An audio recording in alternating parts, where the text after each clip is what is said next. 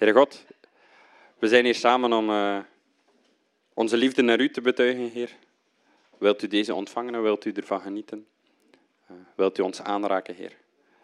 Zodanig dat we straks, als we allen naar huis gaan, ver, meer vervuld zijn van uw liefde, meer vervuld zijn van u, Heer. Zodanig dat we die opnieuw kunnen uitdelen, Heer. En uw koninkrijk uitbouwen, Heer. Amen. Goedemorgen allemaal. We hebben niet veel kindjes vandaag. Hè? Je ziet, we hebben onze handen, onze voeten, onze ogen. Al de dingen die aan ons lichaam zijn, die we ook niet zien, onze longen. Ook heel belangrijk om, om te ademen. We hebben ze allemaal nodig. En de Heer Jezus, als Hij ons iets wil uitleggen vanuit de hemel, soms is dat moeilijk om dat te verwoorden. En soms gebruikt Hij dingen die wij hier op aarde kennen. En de Heer Jezus zegt, al de mensen die de Heer Jezus toebehoren, de kerk, dat is eigenlijk een lichaam.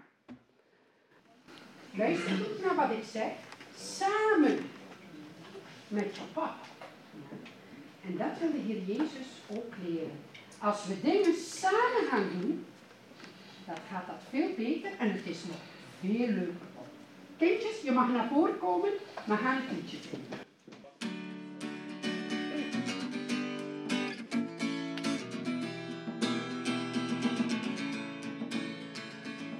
Samen is veel leuker, alleen is maar alleen. Iemand die je helpen kan, dat wil toch iedereen. Jij en ik zijn nodig in Gods koninkrijk. Niemand overbodig en iedereen gelijk. Ik wil heel graag je vriend zijn, dan zijn we nooit meer alleen. Jezus zal ons leiden, ook in moeilijke tijden, want Hij zorgt voor iedereen. Samen is veel leuker, alleen is maar alleen. Iemand die je helpen kan, dat wil toch iedereen. Jij en ik zijn nodig in Gods koninkrijk. Niemand overbodig en iedereen gelijk. We zijn soms zo verschillend en ieder heeft zijn eigen taal. Jezus wil ons leren alle mensen te waarderen, want Hij houdt van ons allemaal. Samen is veel leuker, alleen is maar alleen. Iemand die je helpen kan, dat wil toch iedereen. Jij en ik zijn nodig in Gods koninkrijk. Niemand overbodig en iedereen gelijk. Niemand overbodig en iedereen gelijk. Niemand overbodig en iedereen gelijk. Goed, en dat wil ik nog een keer benadrukken. Niemand is overbodig Iedereen is gelijk. Jullie hebben allemaal talenten en haven gekregen van de Heere God. En dat is voor de Heere God even belangrijk. Dat moet je goed onthouden. We gaan nu al bidden, maar je blijft nog een tijdje in de dienst. Maar we gaan nu al bidden voor de zondagschool. Ja? Heer Jezus, dank u voor deze nieuwe morgen. Dank u dat wij met de kinderen tot bij u mogen komen. En wij vragen u ook de zondagschool te zegenen, Heer dat de kinderen een open hart mogen hebben voor u en dat zij de waarheden over u mogen leren en dat ze mogen diep in hun hart komen, Heer, en dat ze daar nooit meer mogen weggaan. Heere, weet u de samenkomst zegenen. Amen. Ga nu maar nog een beetje zitten. Ja. We zullen nu liedjes zingen voor Jezus de overwinnaar.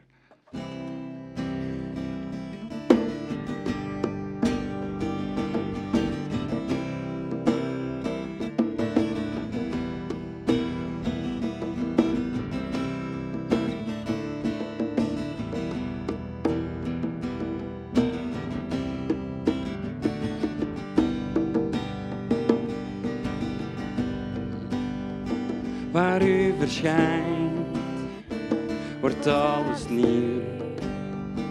Want u bevrijdt en geeft leven. Elke storm verstilt door de klank van uw stem. Alles buigt voor koning Jezus. U bent de voor ons strijdt. U baant de weg van overwinning. Elke vijand vlucht, ieder bolwerk valt neer. Naam boven alle namen, hoogste Heer. Voor eeuwig is uw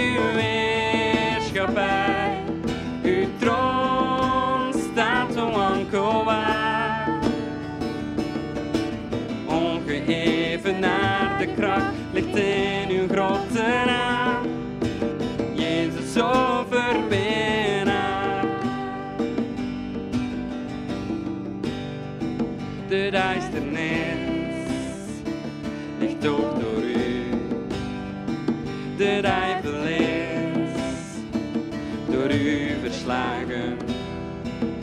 Tot waar is je macht? Waar is je prikkel gebleven?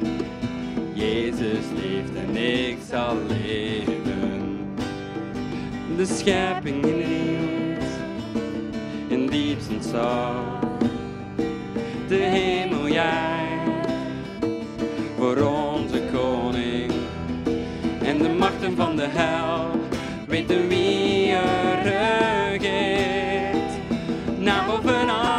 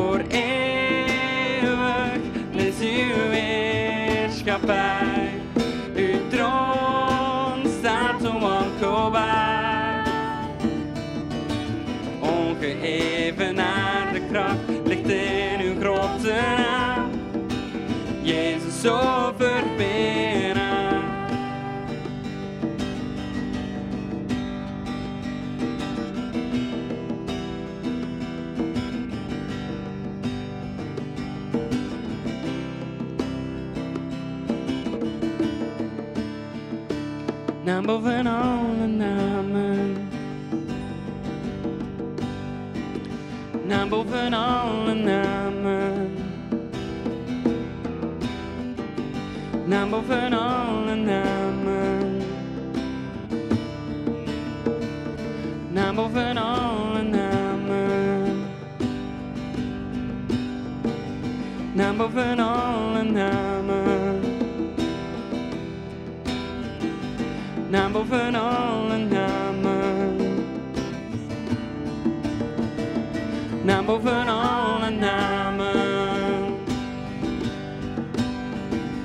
Naam boven alle namen. Naam boven alle namen. Naam boven alle namen.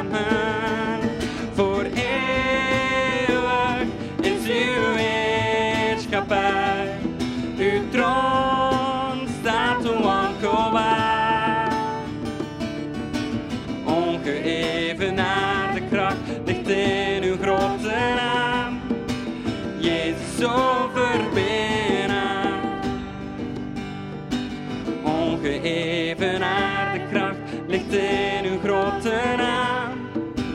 Jezus overwinnaar. U bent Jezus overwinnaar.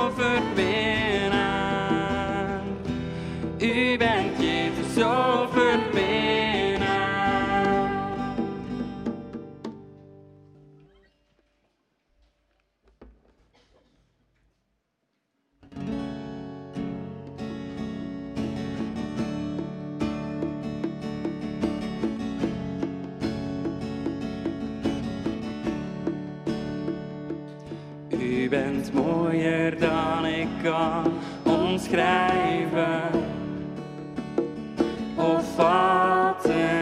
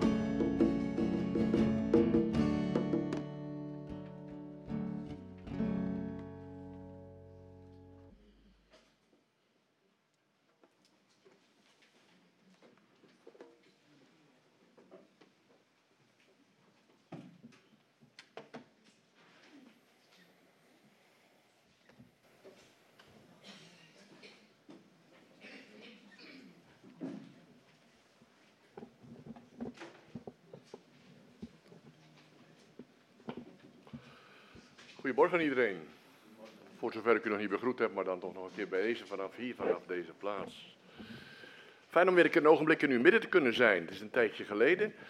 En dus ik moet eigenlijk u ook, eh, het is de eerste keer van het jaar, dus ook u een gelukkig en gezegend nieuwjaar nog toewensen. Dat hoort er dan zo bij. De laatste tijd is de. Nee, laat ik anders beginnen. Ik heb eigenlijk een vraag aan u.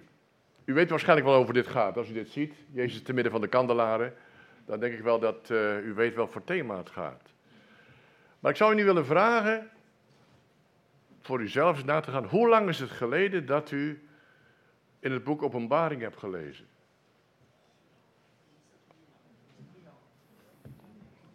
Niet langer hoor ik iemand zeggen. Dan bent u een van de gelukkige uitzonderingen. Dat, eh, dat zal moeten blijken. Dat zal moeten blijken. Bent u een van de gelukkige uitzonderingen, want ik hoor helaas dat heel velen dit boek aan de kant leggen omdat het zo moeilijk is. Vond u het makkelijk om het te lezen als u het onlangs nog gelezen hebt of iets uit begrepen hebt? Hebt u er iets van begrepen trouwens? Lezen is één, maar begrijpen is twee. We hebben een bijbelstudie erover gehad. Mooi, mooi, mooi, mooi, mooi. Want er is, en daar wil ik eigenlijk vanmorgen mee beginnen, een geweldige belofte verbonden aan het lezen van dat boek. Wilt u eens even met mij meelezen uit Openbaring hoofdstuk 1? Dan lees je namelijk heel nadrukkelijk.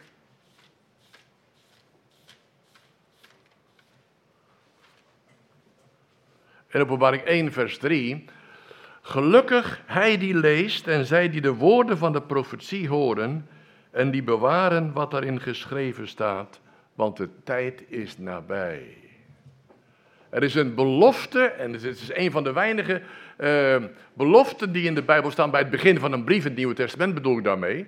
Uh, het is een geweldige belofte verbonden aan het lezen van dit Bijbelboek. En ik denk dat we daarom wel degelijk dit Bijbelboek hebben te lezen met elkaar. En inderdaad, het begrijpen is niet altijd even makkelijk, maar um, ik heb ontdekt, en ik, ik hou regelmatig wat lezingen over dit thema, um, en ook in het buitenland, dat wanneer je eenmaal een klein beetje de sleutel begint te pakken te krijgen, dat je begint te ontdekken, wat een geweldig mooi boek is dit eigenlijk. De meeste christenen uh, vinden het lastig om het te lezen, omdat ze denken van ja, het gaat altijd over oordelen en moeilijke dingen. En inderdaad, dat komt erin voor. Maar weten we eigenlijk wel heel goed wat het thema van dit Bijbelboek is? Daarvoor moet u even gaan kijken naar de eerste zinnen van dit Bijbelboek. In hoofdstuk 1, vers 1 kun je lezen: Openbaring van Jezus Christus, die God hem gegeven heeft om zijn slaven te tonen wat spoedig gebeuren moet. Het is niet een boek over allerlei mogelijke oordelen, nogmaals, dat komt erin voor. Het is niet een boek over, laten we die, die, die, lastige dingen over een beest en over een teken van het beest en over uh, geweldige angst die misschien over de mensen zal komen. Staat erin, dat klopt. Maar het thema van het Bijbelboek is, zoals de eerste zin hier aangeeft, de openbaring van Jezus Christus. Het gaat dus eigenlijk over onze Heer in dit Bijbelboek. En over niks anders. En als je wat gaat lezen, dan kom je daar ook wel achter, want onder verschillende beelden is Jezus zichtbaar of wordt hij zichtbaar in dat Bijbelboek. En helemaal aan het eind, dan vind je natuurlijk dat hij zal terugkomen, die geweldige belofte, dat hij zal terugkomen naar deze aarde en dat hij zal heersen en regeren de duizend jaren tot in alle eeuwigheid over de ganse schepping een rijk van vrede en gerechtigheid. Daar zingen we over, nog liederen. Daar hunkeren we diep in onze ziel naar. Dat, naar dat komende rijk van de Heer Jezus. Dat Hij hier op aarde, dat eindelijk dat onrecht en dat geweld en al die boosheid eindelijk voor goed verdwenen zal zijn. Kent u dat gevoel? Zo van, wanneer breekt het nou een keer aan? Ik heb soms dat gevoel als je televisiebeelden zie, en met name natuurlijk als je kijkt naar de oorlog in Oekraïne. Maar als je ook kijkt, ik, eh, zoals ik al zei, kom in het buitenland, komt regelmatig in Afrika. En als je daar ziet wat voor ellende daar onder de mensen te zien is, dan schreeuwt mijn ziel naar God, Heer, hoe lang nog gaat dit door over de, in deze uw schepping? Ja, wij leven niet relatief makkelijk. Ja, ik weet wel, zijn vorig jaar, of ja, laten we zeggen vorig jaar, een beetje opgeschrikt door de energiecrisis en, en allerlei dingen die, die gebeuren in ons leventje. Dat, het leek allemaal zo stabiel en vast. Maar we zijn een beetje opgeschrikt en onze, ja, ook de prijzen en zo, die gaan omhoog. En hoe gaat het aflopen? En, en hoe gaat het aflopen met, is er nog wel voldoende eten en drinken? Nou, wij hoeven er hier ogenschijnlijk daar weinig drukte over te maken. Maar ik kan u verzekeren, er zijn plaatsen in deze wereld waar het duidelijk wel wat anders is. En dan zucht je en dan denk je, wanneer, wanneer zal Jezus terugkeren? En verschijnen, openbaar worden in deze wereld. Maar weet u, dat is het mooie van het boek Openbaring, eigenlijk werkt hij in dat hele boek naar, naar dat punt toe. Het begint een klein beetje en gaat steeds verder, steeds verder, steeds verder. Uiteindelijk komt hij dan terug naar deze aarde. En ik wil u vanmorgen een klein beetje met die eerste hoofdstukken bezighouden. Want ja, we, we willen wel graag dat dat einde aanbreekt en die geweldige zegen aanbreekt. Maar eigenlijk wil Christus vandaag al openbaar worden. En weet u waar? Hier. In de kerk. In de gemeente. Als een soort voorafschaduwing, een soort begin zou je kunnen zeggen, van dat wat toekomstig is. Nou, ik kan u verzekeren, als je naar de kerk gaat kijken, dan uh, is het misschien wat, wat lastiger om daar te zien, de openbaring van Jezus Christus. Maar laten we maar eens kijken, want dat is het begin eigenlijk van dat Bijbelboek. En uh, ik zal kijken of het werkt. Nee dus, jawel. Want als je leest in hoofdstuk 1, misschien kunt u het ook voor uzelf opslaan, dan lezen we het samen even door. Dan lezen we in vers 10 dat Johannes daar zegt, ik kwam in de geest op de dag van de Heer en ik hoorde achter mij een luide stem als een bazuin. En ik keerde om om te zien de stem die met mij sprak. En toen ik mij omgekeerd zag ik. Ja, wat zag hij eigenlijk? Ja, we kennen het verhaal al een klein beetje, maar moet u voor uzelf eens indenken. Johannes zat daar. Kijk. Op een steen zou je kunnen zeggen. Op het eiland Patmos. Zat hij, zat hij daar in de geest, zo wordt zegt de Bijbel hier, op de dag van de Heer, was hij daar. En heel wat, dan kun je over nadenken, wat is er precies gebeurd? Het is soms wel een keer goed te bedenken. Nou, ik ben ervan overtuigd, dat het woord dag van de Heer is een speciale Griekse uitdrukking. Dat gaat over de zondag, de dag des Heren. In het Engels zeggen we the Lord's Day. En hij was daar in de dag van de, op de dag van de Heer. En hij was daar in de geest. Met andere woorden, een zondag zoals deze. Ik bedoel, we zitten hier niet aan het water, dat weet ik ook wel.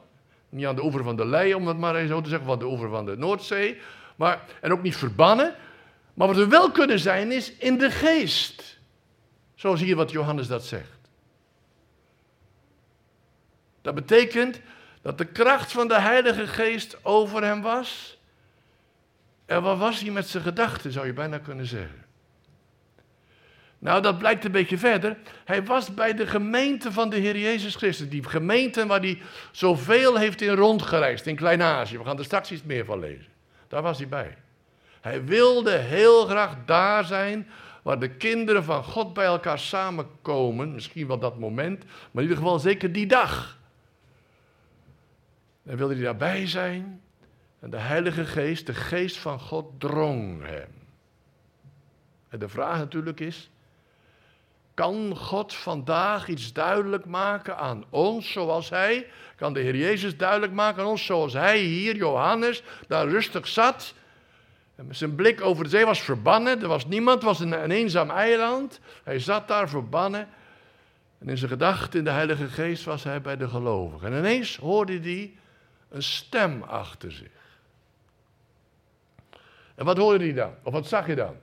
Hij draaide om en dan ziet hij ineens iets heel bijzonders. Dan hoort hij die stem van iemand en die wordt helemaal beschreven. En het blijkt de Heer Jezus te zijn, want het is de zoon des mensen, dat zegt hij zelf. Maar je moet eens goed kijken naar die beschrijving die hier gegeven wordt. Nou, dan maar eens even rustig op het gemakje lezen. Verder vanaf vers 10 eh, dus. Hè. En hij zegt namelijk: Ik kwam met de geest op de dag van de Heer. En ik hoorde achter mij een luide stem als van een bazuin die zei: Wat u ziet, schrijf dat in een boek. En zend het aan de zeven gemeenten: naar Efeze, naar Smyrna, naar Pergamus, naar Thyatira, naar Sardis, naar Philadelphia naar Laodicea. En dan zegt hij: Ik keerde mij om om de stem te zien die met mij sprak. En toen ik mij had omgekeerd, zag ik zeven gouden kandelaars. En in het midden van de gouden kandelaars iemand de zoon des mensen gelijk, bekleed met een gewaad tot de voeten en aan de uh, borst omgord met een gouden gordel. En zijn hoofd en haar wit als witte wol, als sneeuw, en zijn ogen als een vuurvlam. En zijn, en zijn voeten aan het blinkend koper gelijk, als gloeiden zij in een oven. En zijn stem als een gedruis van vele wateren. En dat is rechterhand zeven sterren. Uit zijn mond kwam een scherp tweesnijdend zwaard. En zijn gezicht was, was zoals de zon schijnt in haar kracht. En toen ik hem zag, viel ik als dood aan zijn voeten. Hij legde zijn rechterhand op mij en zei: Vrees niet, ik ben de eerste en de laatste en de levende. Ik ben dood geweest en zie, ik ben levend tot in alle eeuwigheid. En heb de sleutels van de dood en de Hades. En heb de sleutels van de dood en de Hades. Schrijf dan wat u hebt gezien en wat is en wat hierna zal gebeuren. En dan krijg je die verborgenheid, wordt een klein beetje verklaard. Wat we hier zien dus is een geweldige figuur. Maar ik kan me zo voorstellen dat inderdaad Johannes was geschrokken. Laten we eens even kijken wat, hoe die figuur er een beetje uitziet. De eerste plaats ontdekken we dat hij had een stem als van een bazuin. Nou, het is helemaal niet, de, de, de, de, dingen klopt niet precies kennelijk, maar we kunnen het nog wel lezen. Een luide stem als van een bazuin. En dan vervolgens merken we nog een gewaad tot aan de voeten. En de borst omgord met een gouden gordel. En vervolgens hebben we ook nog zijn ogen als een vuurvlam. En wat denkt u van een stem als het gedruis van vele wateren? En uit zijn mond kwam een scherp tweesnijdend zwaard. En het gezicht was zoals de zon schijnt in haar kracht. Ik denk als je zo'n figuur tegenkomt. Ik denk als je zo'n figuur tegenkomt. dat je dan wel even schrikt. Of niet soms. Stel je zin dat je op een eiland alleen bent. En je bent in de geest en je denkt aan de gemeente. En je hoort een stem van het geduis als vele water. En je draait je om en dan zie je deze gedaante als een soort rechterlijke figuur, gewaar in een heerlijk wit gewaad. En dan vervolgens met ogen als een vuurvlam, met een gelaat als de zon, met een stem als het gedruis van vele water en een zwaard uit zijn mond. Ik weet, het is beeldspraak, maar het maakt wel duidelijk van iets dat het een, een angstaanwekkend figuur is. Of niet soms? En dan zegt hij, het is iemand als de zoon des mensen gelijk en vervolgens zegt hij erbij: Ik ben dood geweest en zie, ik ben levend tot in alle eeuwigheid. Ik denk dat je met vol ontzag kijkt naar deze figuur. En het is Jezus die hij herkent, want hij zegt zelf: Het is de zoon des mensen. Daar had hij wel al eerder over gesproken. En dan moet je bedenken dat het Johannes is, nota bene, de man die aan de borst van de Heer Jezus had gelegen de dagen dat de Heer Jezus op aarde wandelde. En hij er ook was die zo goed de stem van de Heer Jezus kende en ook zo goed wist wie hij eigenlijk was, maar toch in een totaal andere gedaante. Een mens zoals u en ik. Hij ging ermee om als een vriend, zou je kunnen zeggen. Hij noemde hem wel rabbi. En hij luisterde naar de woorden, naar de lieflijke woorden. En dan ineens is hij hier, omdat hij daar is, op het eiland Patmos, Patmos vanwege het getuigenis voor hem. En dan verschijnt diezelfde figuur aan hem. En dan in een totaal andere gedaante.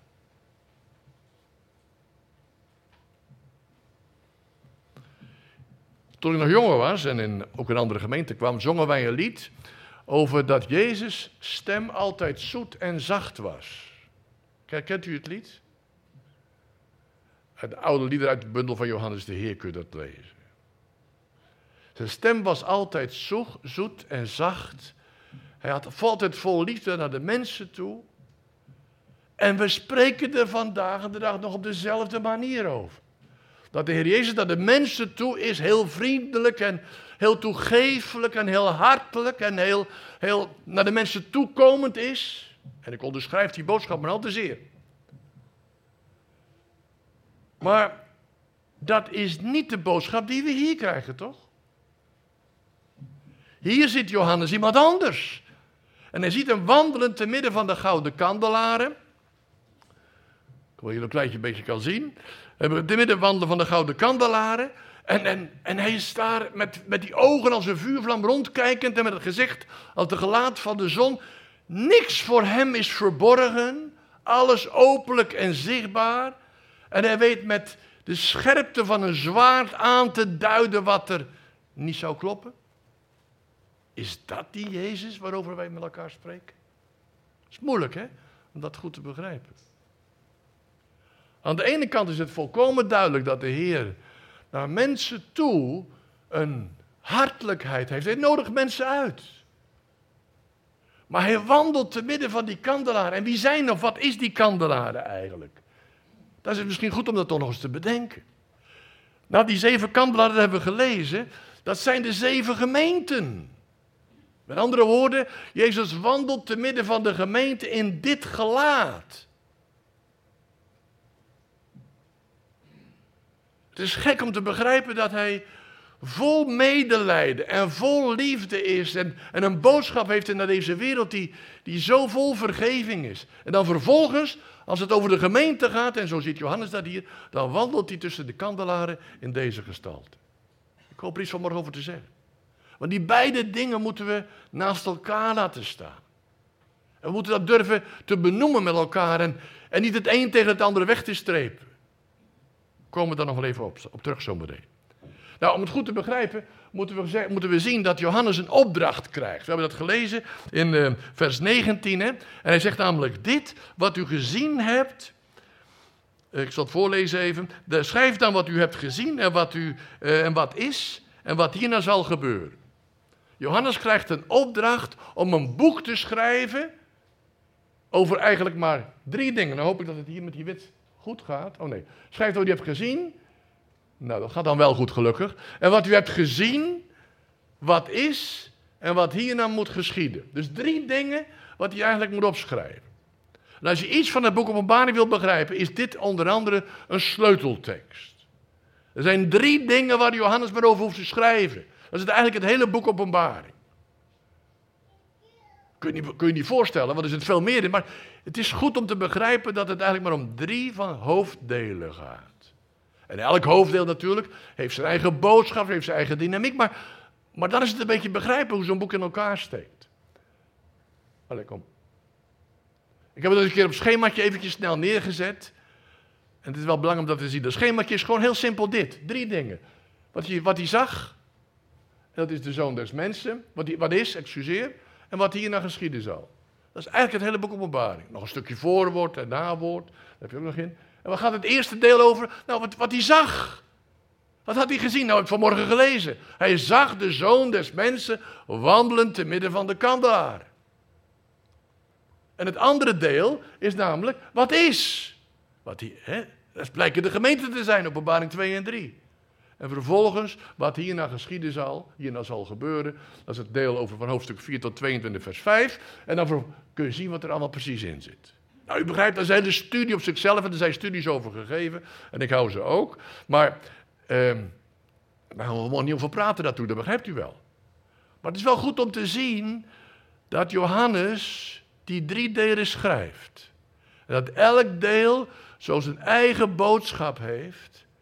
En voor ons is natuurlijk van belang, wat is nou nu precies, over de gemeente natuurlijk, maar dat gaat, over ons. En ook omdat Jezus wandelt te midden van die kandelaren.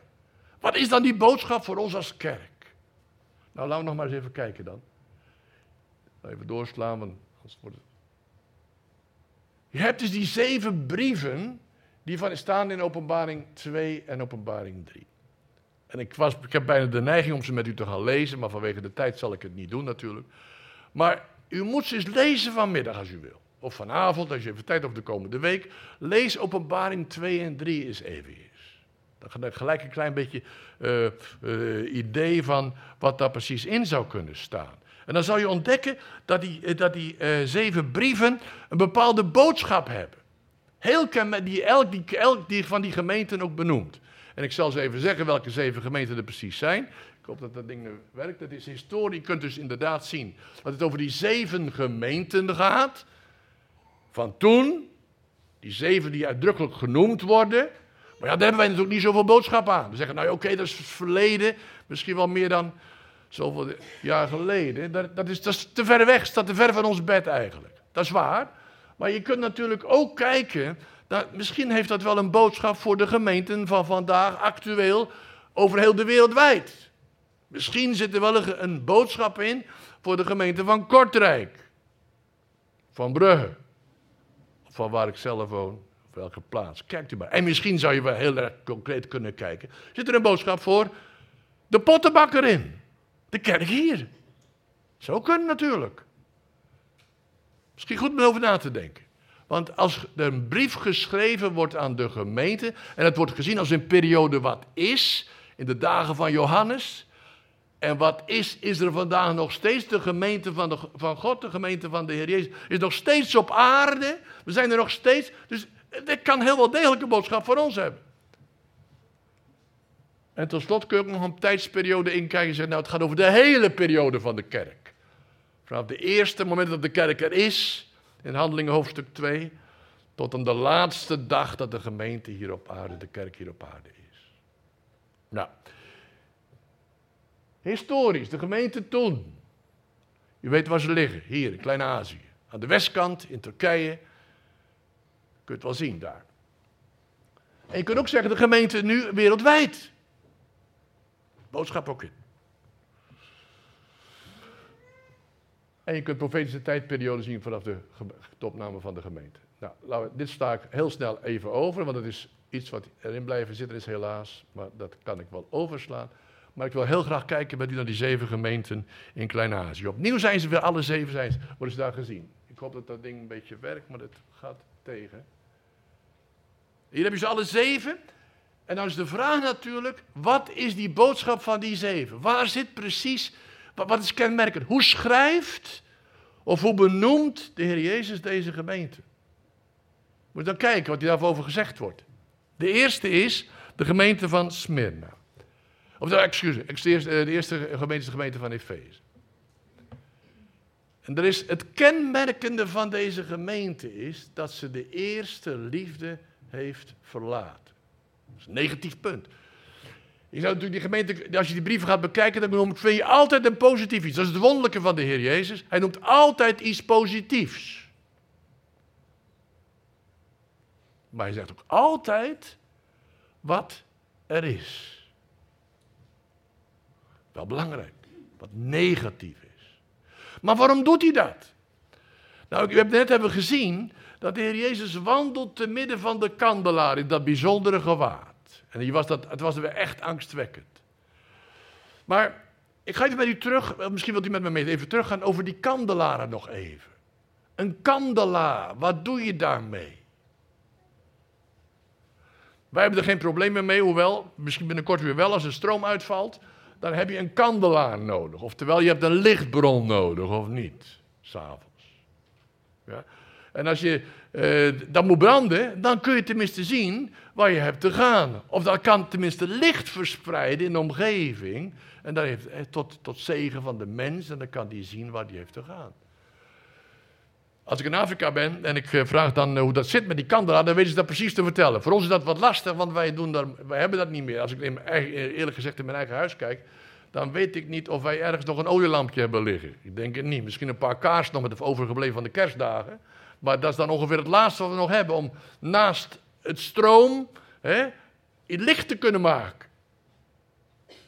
Lange tijd niet over nagedacht. Vroeger, in de dagen van mijn grootouders, een poosje geleden, dan waren daar gewoon nog olielampen. En konden we dan gewoon aansteken als dat nodig was. En de grote vraag natuurlijk is, wat is de bedoeling van de Heer om aan te wijzen wat er fout zit op die kandelaar?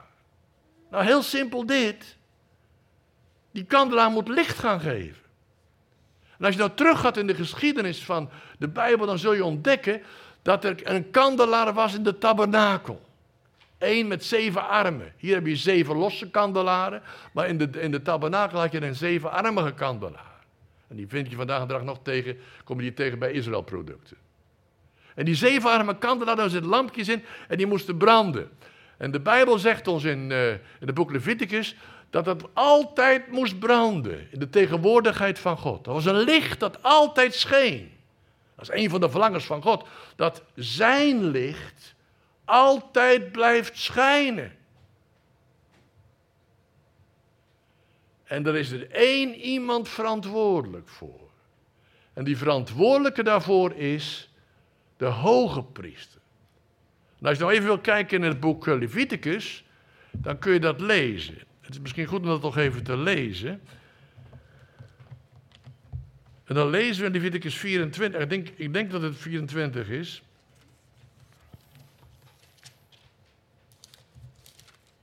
Ja, Leviticus 24. Daar lezen we over het gebod aan de Israëlieten om uh, zuivere olie te hebben en, enzovoort enzovoort. En dan lezen we in vers 4. Op de kandelaar van louter gat zal hij voortdurend, voortdurend de lampen, uh, voortdurend de lampen, uh, excuseer, op de kandelaar van louter gat zal hij voortdurend de lampen verzorgen voor het aangezicht des Heren. Hij zal voortdurend de lampen verzorgen voor het aangezicht des Heren. Die moeten branden blijven. Dat was de bedoeling van de hoge priester. En ik denk ook dat je rustig kunt zeggen dat als we dat beeld hier hebben van Jezus te wandelen te midden van de kandelaren, dat hij aan de ene kant zeer duidelijk maakt wat er fout is. Maar waarom? Om het te veroordelen, om kapot te maken? Nee, om het licht helderder te laten schijnen. En dan moet je eerst, als een lamp dus niet goed brandt, moet je eerst duidelijk maken, wat is er, duidelijk vinden, wat is er aan de hand? Waarom schijnt die lamp niet duidelijk en helder? Simpel. Dat kan zijn omdat er geen genoeg brandstof in zit, niet genoeg olie in zit. Dan moet er olie in. En als er aan de andere kant is, uh, is dat die wiek, hè, dus dat lont, niet goed, niet goed meer functioneert, geen olie meer kan opnemen, of dat er daar een, een, um, het kapot is aan de bovenkant, waardoor het niet makkelijk kan branden, dan moet er wat aan gedaan worden. Dan moet die, om zo te zeggen, gesnoten worden, afgeknipt worden. En dan gaat dat weer branden als daar vuur in komt. En misschien moet er wel gewoon vuur weer terug in. Als, de, als hier deze zoon des mensen wandelt te midden van de kandelaren. En hij zegt dat en dat en dat en dat deugt niet. Is dat niet om te veroordelen. Maar is om dat aan te geven. Dit is belemmerend voor het licht geven. Daardoor kan de lamp niet meer branden of moeilijk branden. Begrijpen we dat? Jezus is niet gekomen om te veroordelen, lezen we in Johannes hoofdstuk 3. Maar is gekomen om te redden, om te behouden. Dat geldt nog steeds vandaag. Maar daarvoor is het nodig dat soms aangewezen wordt wat niet deugt. Waar er een probleem zit. Zodat het weer helder kan gaan schijnen het licht op de kandelaar. Als we hier zeven kandelaren vinden, die elk hun zeven dingen hebben die niet deugen, dan is dat niet ter veroordeling. Als je die brief zou lezen vanmiddag, morgen of van de week, dan zou je ontdekken dat er altijd staat. Nou, misschien laten we er één lezen, laten we die maar van Efeze maar lezen. In hoofdstuk 2 aan het eind, dan zegt hij dit. En dan kom je in alle zeven brieven kom je dat tegen. In hoofdstuk 2, vers 7. Wie een oor heeft, laat hij horen wat de geest tot de gemeenten zegt. hey. Dus door die boodschap van Jezus heen klinkt wat de geest tot de gemeente zegt. In alle zeven brieven kom je dat tegen. En dan zegt hij vervolgens daarna, en in sommige ervoor, wie overwint, die zal ik geven. En dan komt daar een belofte aan. En die overwinning, dat houdt echt in dat hij, dat hij ermee aan de slag gaat met dat probleem wat hier genoemd wordt. Nou, nou nog eens kijk. Die eerste die we hier hebben is de eerste liefde verlaten. Wat is dat eigenlijk, die eerste liefde? Ik denk dat elke jonge gast dat weet wat dat is. En als je oud bent geworden en je kijkt een keer terug, weet je het ook. Ja? Ik bedoel niet verliefdheid, dat is heel wat anders. Maar ik bedoel de eerste liefde, dat is dit. Dat je zo onder de indruk bent van je partner of van je, vriendin, vriend, vriendin, dat je maar eigenlijk één verlangen hebt. Ik wil altijd bij, haar, bij hem en bij haar zijn. En je weet zelf, aan je, als, je, als je jong was, vroeger misschien nog, of misschien nu ben je jong, dat je denkt van, dat is een leuke. Ik wil er altijd, wil ik wel met hem of haar te maken hebben. En altijd samen willen zijn. Dat is een kenmerk van de eerste liefde. Altijd samen willen zijn, naar elkaar luisteren, van elkaar genieten, met elkaar samen dingen doen. Dat is de eerste liefde. Nou, eerste liefde verlaten. Daar zijn kennelijk andere dingetjes bijgekomen. Daar is niet meer die, dat enthousiasme van, we willen er altijd bij zijn. Bij elkaar zijn. En misschien moet je hier wel zeggen dat we te maken hebben met een gemeente die, die dat begin is kwijtgeraakt. Maar er staan wel een paar ernstige dingen in. De Heer zegt, bekeert u ook op deze, bij deze gemeente. Want anders kom ik en zal ik de kandelaar van zijn plaats wegnemen. Dus dan denk je bij jezelf, nou ja, is toch niet zo erg als we niet altijd bij elkaar willen zijn. Of we niet altijd dat verlangen hebben om... Kennelijk is dat bij de kerk wel belangrijk. Kennelijk is het wel zo dat er bij ons als kerken een verlangen dient te zijn, mag zijn, om bij Jezus te zijn. Nou, kijk maar eens bij jezelf hoe sterk dat verlangen is. Ik ga u niet veroordelen, dat begrijpt u ook wel. Ik kijk maar naar mezelf, maar wil u echt bij elke samenkomst van de kerk zijn? Of zeggen, nou ja, één keer per week is wel goed genoeg. Voorbeeldje, hè? Of, nou ja, bidstonden. Ja, ze worden bidden altijd voor hetzelfde. Uh, kom uh, en bidden. Help bidden eigenlijk wel. Dat soort vragen. Nou, ik ga maar één keer per maand of zo. Of soms helemaal niet meer. Een bijbelstudie. Dat is moeilijk hoor, bijbelstudie. Dat is lastig. Boek openbaring. Tjoh, lastig boek. Bijvoorbeeld. Of uh, bijbelstudie. Nou, nee. Ik weet, ik ben verlost. Ik ben gered. Jezus is mijn Heer en Heiland. Oké, is toch goed. De, verder zien we het wel. Ik bedoel, is dat, is dat het enthousiasme van de eerste liefde wat ik nu schilder? Ik denk het niet, hè. Ik denk dat we daar wel, wel enthousiastere dingen bij zouden moeten zijn. Ik geef maar voorbeelden. Ik wil niemand veroordelen, begrijpt u ook wel. Maar laten we bij onszelf eens kijken. Zo van, zijn we nog echt enthousiast over... Een lied over, de, de net over slapen zijn. En de Heer roept ons op om getuigen van hem te zijn. 468 geloof ik. Dat zongen we, hè.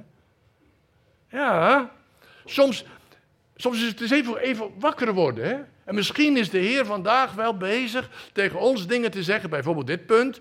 Met die ogen als een vuurvlam. Met die gezicht als de stralen van de zon. En met een, met een scherpsnijdend zwaard in zijn mond. En wijst hij bij ons aan, bij mij aan. Laten we luisteren. De volgende nou, dat is, niet zo, dat is niet zo'n probleem. Want dat is een, een van één kerk die, gaan we straks nog wel zien, dat is een kerk waar alles positief is. Maar dat is ook een kerk in verdrukking. Die hebben volhard tijdens de verdrukking. Er zijn mensen die staan onder druk om het geloof op te geven. Die, die, die staan voor de keuze of te sterven. Ja, voor Jezus. Of zijn naam te verloochenen. En te kunnen blijven leven. Dat is een kerk, dat is een volhardende kerk. Nou, is gaan ze natuurlijk even rustig aan door. En hier in Thyatira, uh, Pergamus, excuseer, die wonen waar de troon van Satan is. Ook zo'n negatief punt. Wonen waar de troon van Satan is. Je zou kunnen zeggen, ze hebben huisvesting gevonden in het huis van, van Satan. Nou, ik zal u vertellen, toen ik dat, uh, nog wat jonger was, dat ik dit las, dan dacht ik, ik wil wel eens kijken wat die troon van Satan was. Nou, ik heb familie in Duitsland en die zei, ik weet waar die troon van Satan staat. Ik zei, oh, waar dan? Nou, in Berlijn. Dus mijn vrouw en ik zijn naar Berlijn geweest, daar heb je een foto ervan. Dit is trouwens de waterpoort van Nebukadnezar, maar ik zal hem gelijk doorslaan. Dit is de troon van Satan. De troon van Satan namelijk is niet een een of andere mooie tempel, dat is een altaar. Dat is een plaats waar de offers aan Satan gebracht werden in Pergamus. En daar ergens achter, bij het altaar, daar kwam die kerk dan samen. Ik weet niet waarom ze dat deden. Staat er niet ingeschreven. Maar het wordt wel als een soort, laat ik zeggen, veroordeling gegeven. Wonen waar de troon van Satan is. Ze verbleven waar Satan, zijn, waar Satan vereerd werd. Nou, ik denk niet dat daarbij horen te, gevonden horen te worden. Maar deze kerk zat daar wel. Ze waren ook wel trouw als het ging om Antipas, de getuigen en zo, wordt genoemd. Maar dit punt wordt wel heel sterk genoemd. Hier heb je nog een stukje de foto ervan. We zijn daar bovenop geweest en je kunt daar rustig rondwandelen in, een museum in uh, Berlijn. Pergamon Museum heet het trouwens.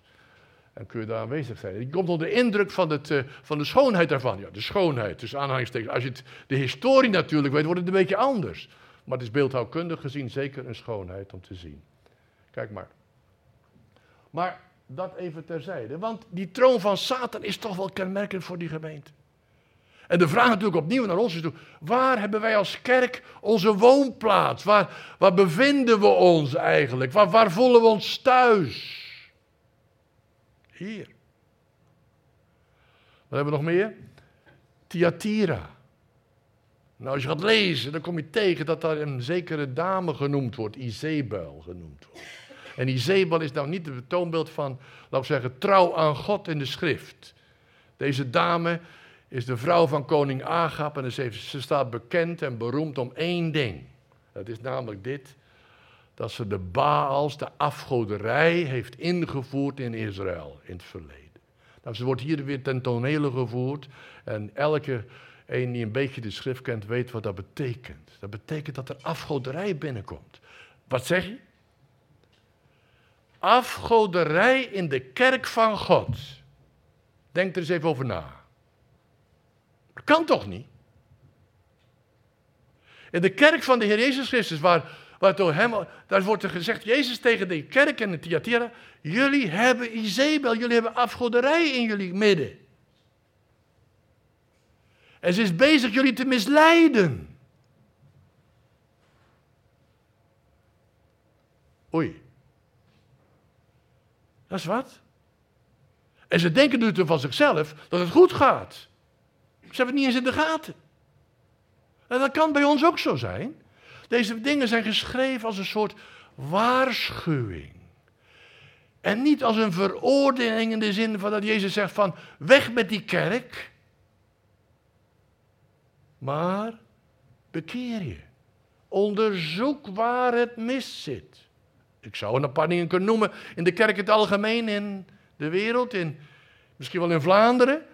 En ik ga geen, kerk, geen kerken veroordelen, begrijpt u ook wel. Maar, maar het gevaar is dat we zo gemakkelijk worden, zo verdraagzaam worden, uit oogpunt van liefde. Dat we zo verdraagzaam worden dat we niet meer durven staan en zeggen van, maar dit kan echt niet. Moeilijk. Jezus wijst het aan. Bij ons. En wijst het ook aan heel persoonlijk bij u. En bij mij in mijn leven. We hebben nog Sardis. Nog twee drie te gaan. Sardis. Wat is Sardis eigenlijk? Nou, daar lijkt het allemaal prachtig en prima. Heeft een schijn van leven. Maar de Heer zegt, het is dood. Je zou kunnen zeggen, aan de buitenkant, aan de façade, aan de gevel is het prima. Ik kom wel eens eh, bij mensen in Vlaanderen, maar ook daarbuiten. En dan denk je, dat is een mooi huis. Ik had het in Afrika, eh, werd ik uitgenodigd bij een voorganger. En uh, een eentje verder in de, was ik in de kerk, moest ik daar spreken. Dan werd ik uitgenodigd bij een voorganger. En dan werd ik meegenomen naar zijn dorp. En daar was een huis. Ik denk, nou, die heeft het voor elkaar. En die nodigde me uit voor een maaltijd. Eenvoudig, helemaal geen probleem. En kom ik binnen. Een verschrikkelijke bouwval. Hij was nog niet klaar met zijn verbouwingen. Maar de buitenkant, de gevel, prachtig. Ik denk, net, dat is keurig netjes. Maar van achteren kon er amper leven. Tenminste in mijn optiek. Maar dat kan bij ons ook zo zijn. Geestelijk gezien. Geestelijk aan de buitenkant prachtig, prima in orde. De ceremonieën kloppen, we zijn er altijd en de vormen zijn oké. Maar hoe is het echte geestelijke leven? Jezus geeft een oordeel van deze kerk. Prachtig aan de buitenkant. Het schijnt te leven, maar als je tot de kern komt, het is dood. En dat is ook weer zo'n zo mooie kerk, Philadelphia. Zo'n kerk het wordt vaak als naam gebruikt. Ik zie hier bijvoorbeeld in, uh, in Antwerpen bijvoorbeeld, is een kerk heet Philadelphia. En waarom? Omdat ze een verlangen hebben om de naam van God, de naam van de Heer Jezus en het woord van God vast te houden. Ja, dat is in deze kerk echt aanwezig. Ze hebben enorm veel druk, geestelijke druk, maar ze houden stand, ze houden vast. En hier zie je dus als je naar die twee kerken kijkt, dat die, wat druk is, daar komt, daar komt er herstel uit. Maar straks daar meer over. Als laatste dit. Laodicea. Lauw, maar er is iemand die aan de buitenkant staat en wil kloppen. Het kenmerk van Laodicea is dit, dat Jezus staat aan de buitenkant van de kerk en hij staat te kloppen, mag ik alsjeblieft binnenkomen? Ik klop aan de deur. Moet nagaan, een kerk waar de naam van Jezus overboven geschreven staat bij wijze van spreken. En Jezus beschrijft zijn situatie, ik sta er buiten. Hij heeft een verlangen om binnen te komen. En hij zegt dit, elk een die open doet, dan kom ik binnen, dan zal ik maaltijd houden. Maar kun je het je voorstellen dat er een kerk is, bijvoorbeeld de pottenbakker, voorbeeld, het is geen beschuldiging hoor, bijvoorbeeld de pottenbakker, waar aan de deur Jezus staat te kloppen je het niet voorstellen? Je wil graag kerk van de Heer Jezus zijn, of niet soms? Als hij binnenkomt, als hij daar is, dan heet je hem toch welkom bij wijze van spreken. Dan wil toch dat hij in ons midden is en dat hij, de Heer, er is. Maar deze kerk is er buiten. Maar hoe kun je nou soms controleren of Jezus wel of niet buiten staat? Nou, ik zal u een paar proberen handleiding, hand, handvaten te geven. Ik kom er eens in kerken waarbij als ik dan zondag daar zit en ehm, niet om te spreken, kom gewoon bezoek. En dan sla je gaande wat daar gebeurt. Natuurlijk worden er liederen gezongen. En die liederen gaan allemaal over Jezus. Echt waar. Maar wat er daaromheen gebeurt, dan denk je bij jezelf, gaat het nou echt daarover in de kerk? Die liedjes zijn een mooie façade bij wijze van spreken. Maar wat er gebeurt in die kerk, er wordt gesproken bijvoorbeeld over alle goede acties die ze doen. Ik bedoel, uh, naar de wereld toe. En ik bedoel, alle uh, sociale acties die gedaan worden. Er wordt een oproep gedaan ook om geld te geven voor, nou, laten we zeggen, om sociale acties te doen. Is dat verkeerd? Nee, natuurlijk niet. Absoluut niet. Of er wordt gesproken over, uh, over campagnes, of over mensen die in het buitenland onderhouden moeten worden. En ook over de, wat gebeurt, mensen, oude mensen uitgenodigd en die moeten dan vertellen over wat zij allemaal doen en laten. Is dat kerk zijn? Waar gaat het met ons over, lieve mensen, als we bij elkaar samenkomen? Willen we inderdaad Jezus centraal stellen? En willen we inderdaad dat Hij door zijn woord kan spreken en dat Hij een boodschap voor ons heeft? En kan het, gaat het echt om de verheerlijking van zijn naam? Of zingen wij liederen over, ook bijvoorbeeld liederen over onszelf en liederen over anderen, in plaats van dat we lofliederen zingen tot Hem? Ja, het is soms goed om een keer even na te gaan. Is Jezus werkelijk nog aanwezig in onze gemeenten? Of moet hij buiten, staat hij buiten en wil hij zeggen, alsjeblieft, laat me binnen, laat me binnen. Ik wil graag bij jullie zijn en maaltijd met jullie houden. Dat is een beetje de boodschap die we kunnen geven. Als je dan gaat kijken naar die kerk, dan zul je zien dat er zoals al zei, er twee kerken zijn waarbij het relatief goed gaat. Dat zijn kerken in verdrukking. Maar als je gaat kijken hoe de ontwikkeling is over die kerken door, dan zul je ontdekken dat het eigenlijk alleen maar down, neerwaarts gaat. Alleen maar neer. Het begint met een klein beetje de eigen liefde verlaten. En als je gaat kijken bij die laatste gemeente, wat ontdek je dan? Jezus staat buiten. En tussendoor heb je nog de troon van Satan. Het kan gemakkelijk gaan van een klein beetje afwijken tot een heel eind weg. Ja? Als je gaat kijken bijvoorbeeld hier in, op het station in, hier in Kortrijk, dan zul je ontdekken dat de sporen naar Brugge en naar Rieper, dat die bij elkaar samen liggen. Ja? Maar een eindje verder voorbij Kortrijk, dan zul je ontdekken dat de sporen naar Ieper de ene kant uit gaat en die, en naar, naar uh, Brugge naar de andere kant uit gaat. Een klein beetje verschil, een klein beetje afwijken, kan aan het eind een enorme verwijdering, een, enorme, een enorm punt geven. En ik denk dat het ongelooflijk belangrijk is om dat te zien. De kleine afwijking van de gemeente bij Efeze leidt ertoe dat we inderdaad zou kunnen zijn dat we op een heel ander punt uitkomen. Jezus wil openbaar worden in de gemeente vandaag. Hij hoort er niet buiten te staan, hij hoort erin te staan. En we hebben te kijken naar onszelf, zeggen, o Heer, wij geef bij ons aan waar die kleine afwijking van de eerste liefde verlaten misschien begonnen is. Want wij willen niet eindigen op dat eindpunt, helemaal aan het eind, dat we helemaal lauw geworden zijn. Weet je waar we willen eindigen? Wij willen graag eindigen met een verwachting van uw komst. En daarom, Heer Jezus, zoeken, we uw tegenwoordigheid. En lieve mensen, het lezen van het boek Openbaring kan soms een beetje confronterend zijn. En dat is misschien niet zo fijn om dat mee te maken. Maar de grote achtergrond daarachter is dat we weer terugkeren en herstel hebben. En dat dat herstel leidt tot de verheerlijking en de grootmaking van Jezus. Jezus wenst dat het licht op de kandelaar gaat schijnen. Dat de olie weer brandende is. En het vuur weer naar, boven komt. Dat we inderdaad zonder problemen gaan getuigen in deze wereld. Maar, maar ook onder elkaar en met elkaar. Dat het vuur gaat branden. Dat het licht van wie Jezus is ten volle gaat schijnen. En mijn vraag aan u en aan mij is, aan ons allemaal is, willen we dat? Laten we ermee aan de slag gaan. Dan zullen we ontdekken dat de geest van God begint te werken.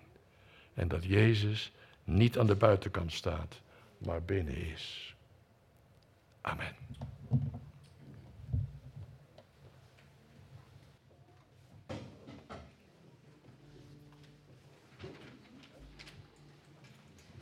We zullen nog uh, één lied samen zingen als afsluit. Het is uh, ons lied van de maand, waar we vragen aan, uh,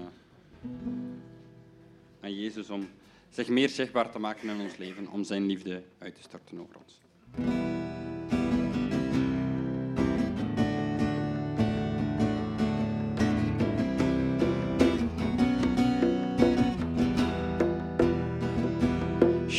More of you, so, so much more. Make us more like you are, so much more. So much more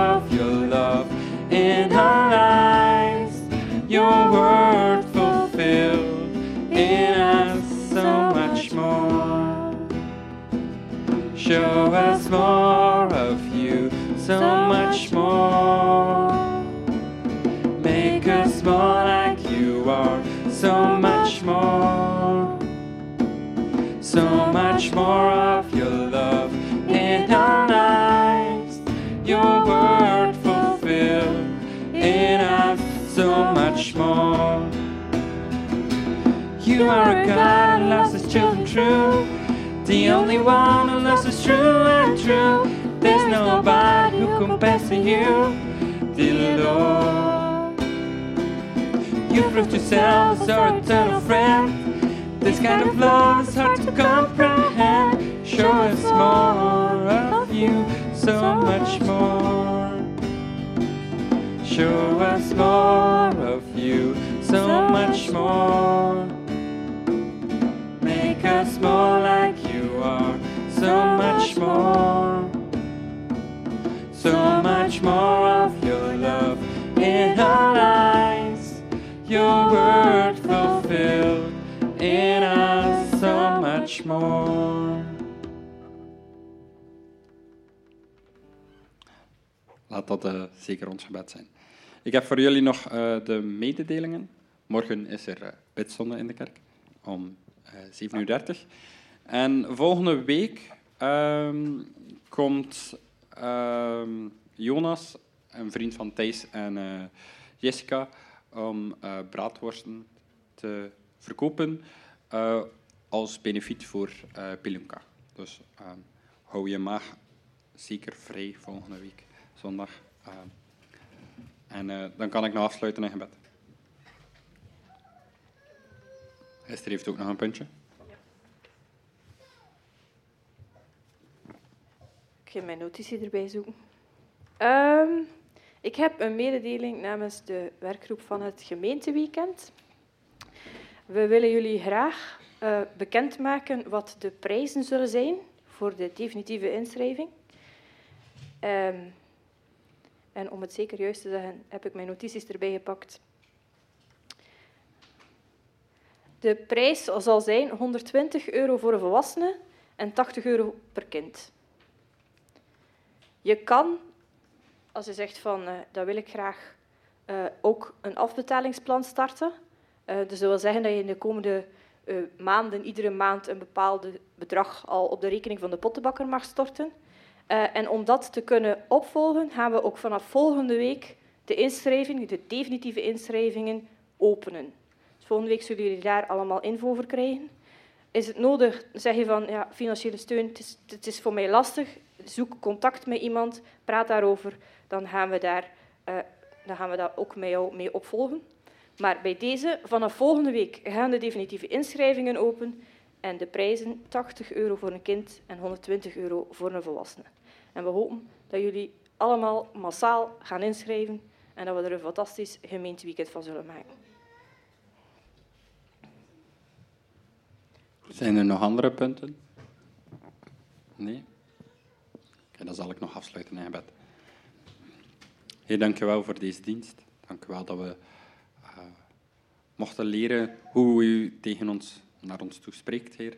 Uh, wilt u ons helpen om onszelf te onderzoeken, Heer, om te horen naar u, Heer. En uh, steeds uw liefde opnieuw te zoeken en uw nabijheid te vinden, Heer. Amen. Een gezegende zondag.